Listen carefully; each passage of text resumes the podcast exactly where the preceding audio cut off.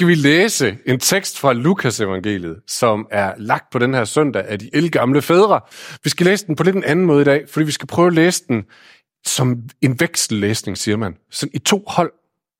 Det prøver vi lige, så kommer forklaringen senere. Men vi deler simpelthen det bare meget pædagogisk lige her. I hold 1, i hold 2. Det fremgår af teksten, hvad der er 1 og hvad der er 2. Og så gælder det bare at følge med. Er I med på den? Og Anna, du læser med på etterne. Du, ja, jeg kommer. Du læser med etterne. Jeg læser med toerne. Så, nu skal vi bare have teknikken med os. Det er være Herren, Israels Gud. Han har oprejst os frelsens horn i sin tjener Davids hus, sådan som han fra gammel tid har forkyndt ved sine hellige profeters mund. Så strammer vores fjender, og fra alle dem, som vi har gjort os, at vi svarer hjertet ud vores fædre, og huske på sit lille græs. Den ed, han tilsvor vor fader Abraham, at befri os fra vores fjenders hånd og give os at tjene ham uden frygt i fromhed og retfærdighed for hans åsyn alle vore dage. Og du, min barn, det kæreste, det højeste profet, hvor du svækker forvejen Herren, og banen til hans veje, og lærer at sørge hele frelsen i den synsret. Takket være vor Guds inderlige barmhjertighed, hvormed solopgangen fra det høje vil besøge os for at lyse for dem, der sidder i mørke og i dødens skygge.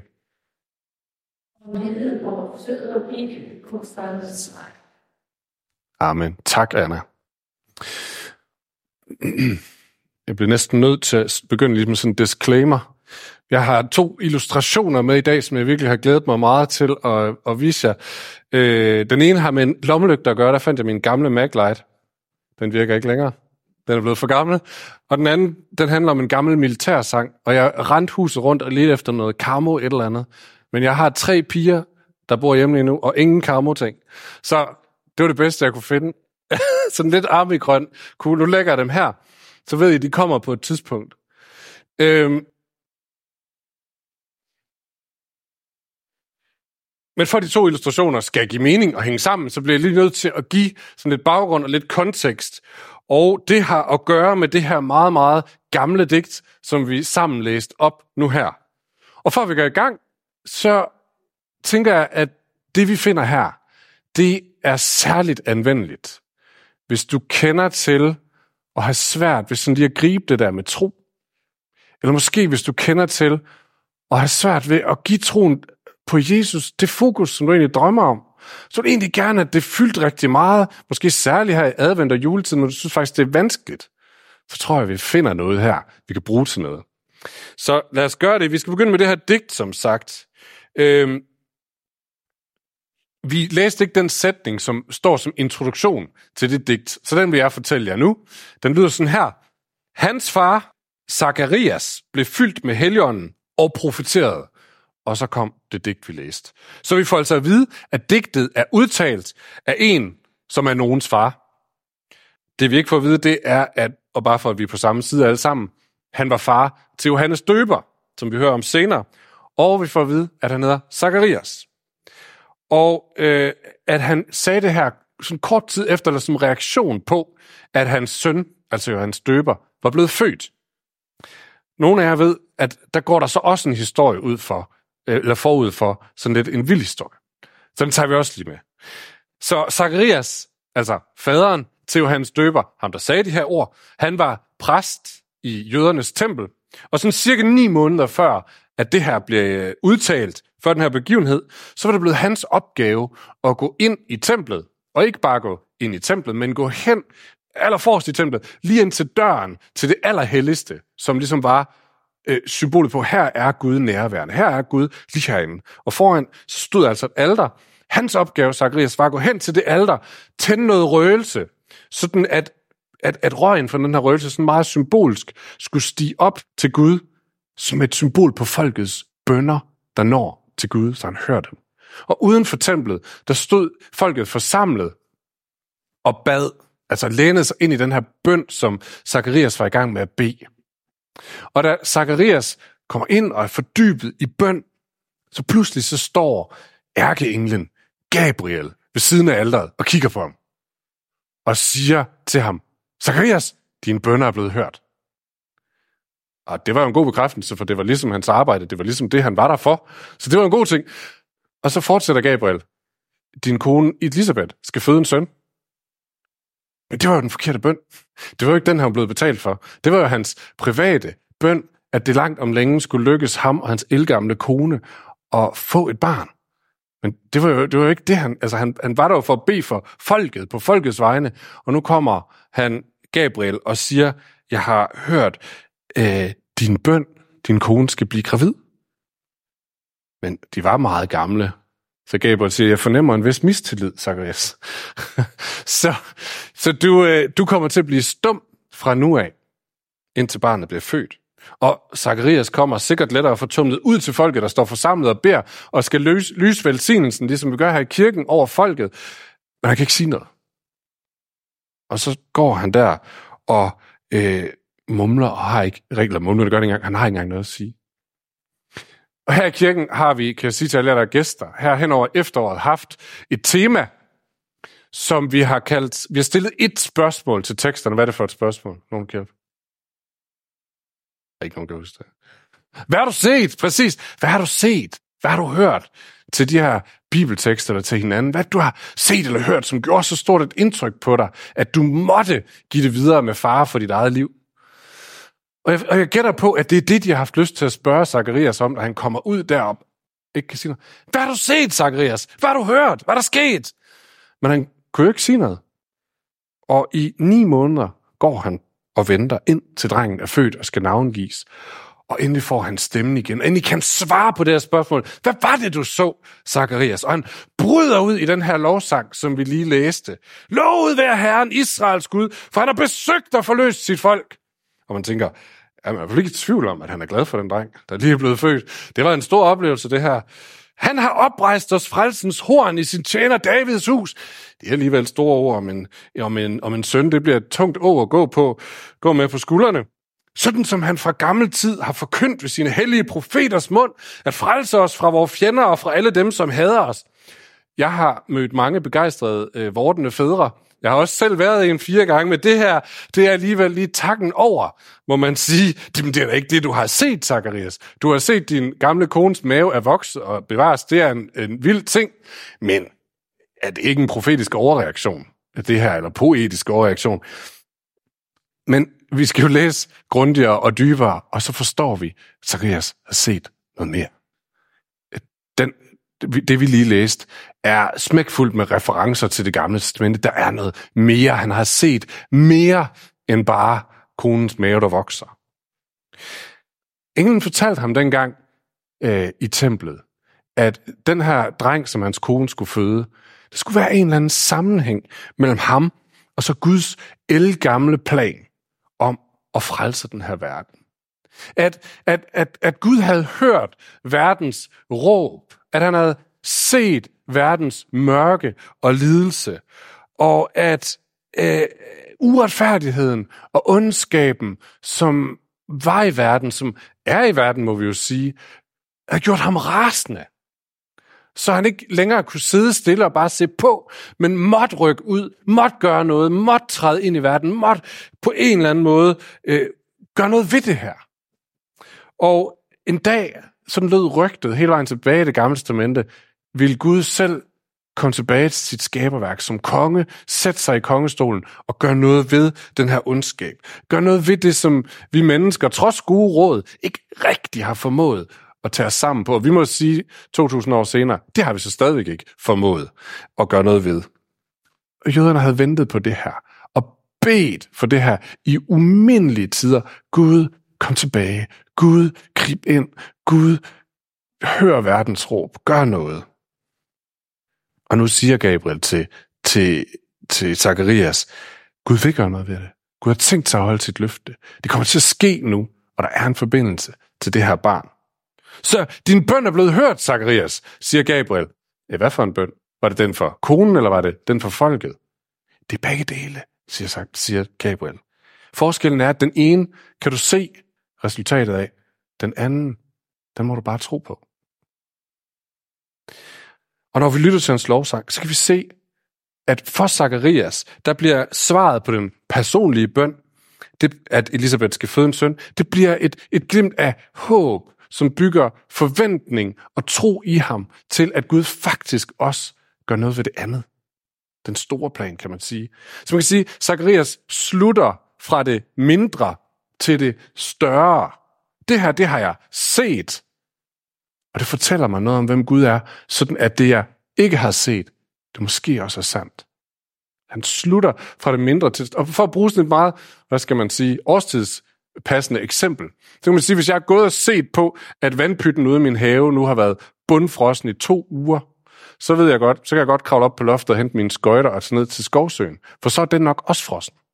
Slutter fra det nære, det mindre, til det større. For det til at bygge min erfaring og min tro. Så Elisabeths voksende mave fortæller Zacharias noget om, at, at Gud er trofast. Gud kommer til at holde sine løfter. Det tror han på. Eller måske mere præcist, det vælger han så at tro på. Zacharias vælger at slutte fra det små til det store. Vi skal huske, han har jo kun set maven, den nyfødte baby. Resten har han ikke set. Han kunne jo også have sagt, Ja, det var en fantastisk oplevelse, jeg havde inde i det der tempel den der gang. Men, men, men, men Elisabeth, nu er der 100.000 ting, vi skal have styr på. Vi skal have en barnevogn, vi skal have en større bil, og hvad, hvad med børnepasning? Alle vores forældre er jo døde for længe siden, og der er så meget, vi skal have styr på. Eller han kunne have sagt, at det var virkelig, som jeg husker, det en fantastisk oplevelse.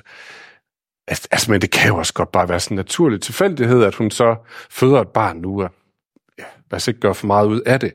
Men han, han vælger faktisk at tage den her erfaring, og så holde den frem for sig og sige, jeg tror på, at Gud er trofast, og jeg tror på, at det kommer han også til at være på de større ting, på den større bane, og lad det forme hans håb. De små ting bliver betydningsfulde for de store ting. Vi har som sagt delt historier det her efterår om, hvad har du set og hvad har du hørt? Øh, hvad har du set Gud gøre? Hvad har du oplevet, at han har gjort i eller omkring dig? Store ting eller små ting. Ekstraordinære ting eller helt ordinære ting. Store helbredelser eller ingen helbredelser, men Guds nærvær midt i det hele. Øh, vi har hørt øh, historier om Guds trofasthed i svære situationer. Om Guds vejledning i svære valg. Det har ramt os, det har rørt os. Kan jeg sige heroppe fra, at jeg har set masser af tårer nede i salen. Jeg siger ikke hvem, men jeg har set masser af tårer det har været glemt fra paradisets kyst, som Grundtvig måske ville have sagt det. Det har været sådan glemt af, hvem Gud er, hvad han, hvad han er i stand til, hans godhed. Og det har bygget forventninger til, wow, wow, er det sådan Gud, vi tror på? Men, og det ved jeg også godt, hvor er det bare nemt at glemme lige snart, man går ud af døren. Ej, det var en fantastisk fortælling, hun havde. Men nu skal jeg også hjem og forholde mig til, at der er krig i Ukraine, og børnene mistrives i skolen, og der skal smøres madpakker, og hvad skal jeg bruge alle mine penge på? Vi glemmer at slutte fra det små til det store. Vi glemmer at faktisk se Gud gribe ind. Måske, måske kommer han også til at holde sin store løfter. Måske kan jeg satse mere på det. Måske kan jeg bygge mere på, at han er en Gud, der holder sin løfter. Særlig er du, siger Jesus, for du har været tro i det små. Jeg vil betro dig noget større. Men hvad hvis vi glemmer at holde fast i det små, fordi vi bare lader det fise fra os? Hvis vi glemmer at lade det forme vores hjerte, vores forventning til, hvem han er og hvad han vil. Gud giver os glemt, så vores tro og længsel til ham kan vokse, så den kan blive robust, så den ikke lige vælter af bekymringer eller fristelser, men så det kaster os tilbage og siger, jeg ved, hvem Gud er. Jeg ved, hvad han har vist mig. Jeg ved, hvad han har fortalt mig. Så jeg vælger at tro på, at det kommer han også til at blive ved med. Han kommer til at holde på den lange bane.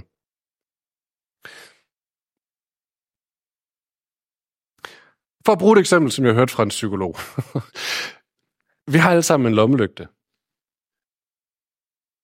Vi, øh, der over, overalt deres, omkring os er der tusind ting, som bomber os dagen igennem. Bekymringer, fristelser, fornøjelser, pres, arbejde, alt muligt kører omkring. Så jeg tror ikke, jeg behøver at illustrere. Jeg tror, ikke, de ved, hvad jeg snakker om. Det kan vi ikke gøre noget ved, særligt ikke i et informationssamfund som vores. Der er bare masser. Men, sagde psykologen, vi kan vælge, hvad vi kaster vores lyskejle på. Vi kan vælge, hvad for noget af det, vi lyser på. Og det kommer til at gøre noget ved os, hvad vi lyser på. Så Zacharias, øh, du kan ikke, du kan ikke, nej, du skal tilbage til noget andet. Du kan ikke styre dine følelser. Jeg siger det bare. Du kan ikke beslutte dig for, jeg vil til at være mere glad i hverdagen. Det kan man ikke. Du kan ikke styre din tro. Du kan ikke sige, jeg vil bare tro noget mere på Gud fra nu af. Det kan du ikke. Men du kan styre din lommelygt. Du kan beslutte dig for, hvad er det, jeg vil bruge min opmærksomhed til?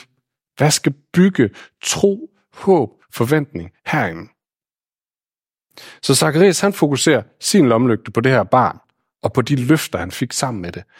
Gud han hører bøn, Gud han griber ind. Bare se på barnet. Jeg vil holde fast i det. Det former hans håb. Og i det, så er Zacharias blevet et kæmpestort forbillede for kirken igennem årtusinder. Faktisk så meget, at hans eksakte ord, dem vi læste sammen, er blevet gentaget hver eneste morgen i alle de gamle kirker. Så hvad hedder det, katolsk kirke, ortodox kirke, anglikansk kirke og alle andre kirkesamfund med en tidebønstradition, de læser de her ord, ligesom vi gjorde hver eneste morgen. Øh, Forestil dig det. Forestil dig at stå ud af sengen, og før du tænder for nyhederne, før du kigger på sociale medier, øh, eller noget som helst andet, så gentager du de her ord for dig selv. Lovet være Herren, Israels Gud, for han har besøgt og forløst sit folk. Han har oprejst os frelsens horn i sin tjener Davids hus, for at befri os fra alle dem, der hader os. Start sin morgen med det, sig, det er det, der er sandt. Det er mit håb. Det er min tro. Han har besøgt og forløst sit folk, for at fri os fra alle dem, der hader os. Begynd sin dag der. For at komme med et andet eksempel. Det er fra filmen Selma om øh, Martin Luther King. Jeg ved ikke, om nogen af jer har set den. Martin Luther King, borgerrettighedsforkæmperen i USA, øh, som vi kommer ind på et tidspunkt, hvor kampen er hård. Han bliver presset fra alle sider af Martin Luther King til at stoppe sine ikke-voldelige protester, som han er jo gået i spidsen for. Og øh, øh, folk er imod ham fra alle steder, og han er blevet truet mange gange, han er blevet angrebet flere gange, og så får vi den her scene, hvor han i en sen nattetime ringer til sin gode veninde, gospelsangeren Mahalia Jackson, og i telefonen får sagt, Sing the gospel to me again. I need to hear the gospel. Syng evangeliet for mig igen. Jeg har brug for at høre det igen. Jeg har brug for, at den anden holder det frem foran mig, så jeg kan se det, så jeg ser, hvad det er. Der er en, der råber. Det var den anden tekst, som Anna læste op for os. Og det er jo adventstidens budskab. Der er en, der råber til os. Og måske er det for nogle af os første gang, nogen råber julens budskab. Gud har hørt verdens råb. Gud kommer ind i vores verden. For mange af os er det nok sådan erindrings- eller genopdagelsesråb. Nå ja, nå ja, det er det, vi tror på. Der er en, der råber. Øhm, og vi har råbt til hinanden i det små, i gudstjenesterne det her efterår. Hør, hvad jeg har set. Hør, hvad jeg har oplevet. Det er den Gud, vi tror på. Og det er jo derfor, vi går til gudstjeneste.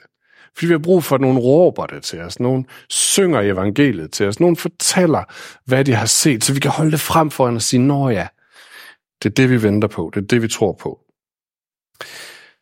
Nogle gange har vi brug for, at den anden råber, for det er ikke sikkert, at jeg står der selv lige nu, hvor jeg sådan kan sige, yes, det er det, jeg tror på. Så brug for, at den anden råber. Og det er den sidste illustration. Nu den der. Er I med nu? Ja, ah, det er godt. Kommer en sidste illustration. Øh, det var den her gamle militærsang. Øh, den måske barskeste militærenhed i verden er dem, der hedder Navy SEALs fra USA. Det er sådan en blanding af vores frømandskorps og øh, jægerkorps. Bare endnu vildere, har jeg fået fortalt. Jeg har jo desværre ikke været en del af det. Men øh, selvom I måske lige troede det for en kort bemærkning.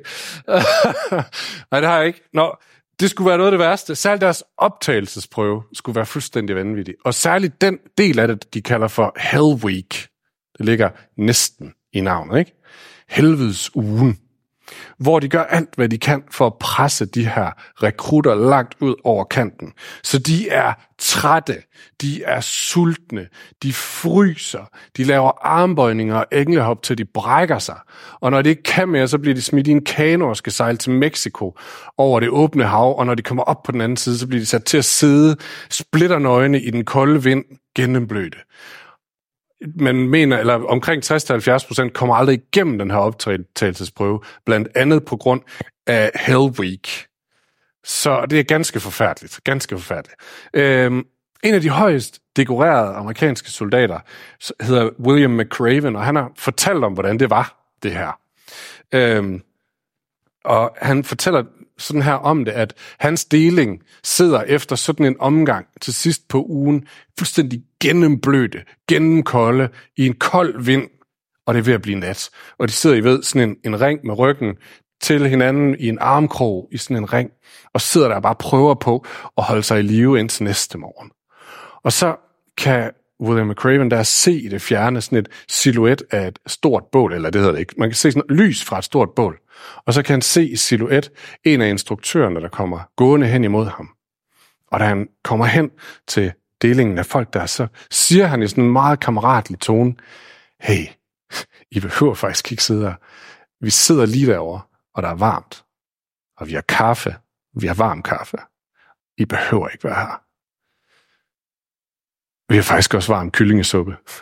Og I er hjertelig velkommen til at komme over.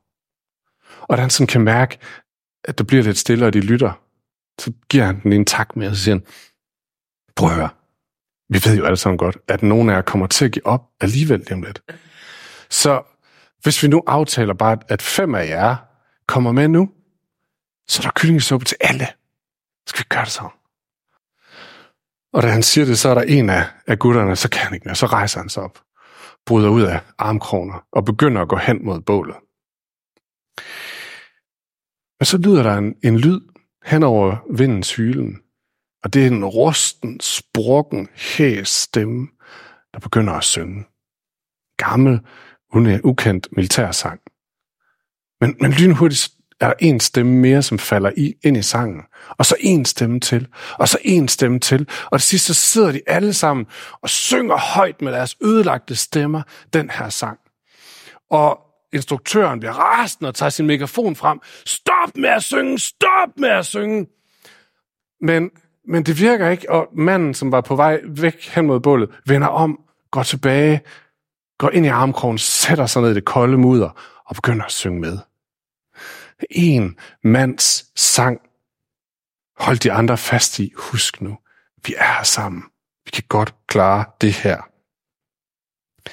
Der er en, der råber. Husk, hvad du har set. Husk, hvad du har hørt. Gud holder sine løfter. Det bliver han ved med. Og lad det, lad det blive det, der bygger troen og forventning til. Det kommer han også til på de meget større ting. Lad os slutte med at rejse os op, og så tager vi simpelthen den her tekst en gang til. Alexander, hvis vi kan få teksten en gang til, så læser vi den højt i kor, som kirken har gjort det i årtusinder. Anna, hvis du vil lede hold et igen. Lovet være Herren, Israels Gud, for han er og for Han har oprejst os frelsens horn i sin tjener Davids hus, sådan som han fra gammel tid har forkyndt ved sine hellige profeters mund. Og fra alle som os.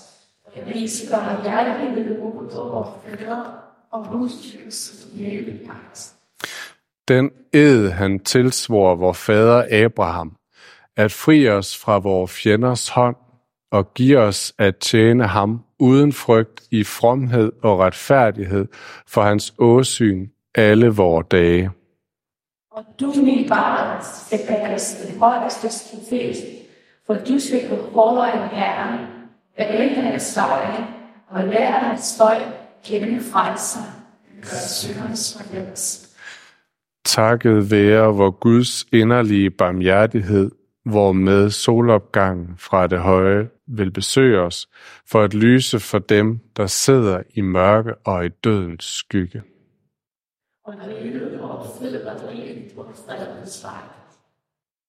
Amen.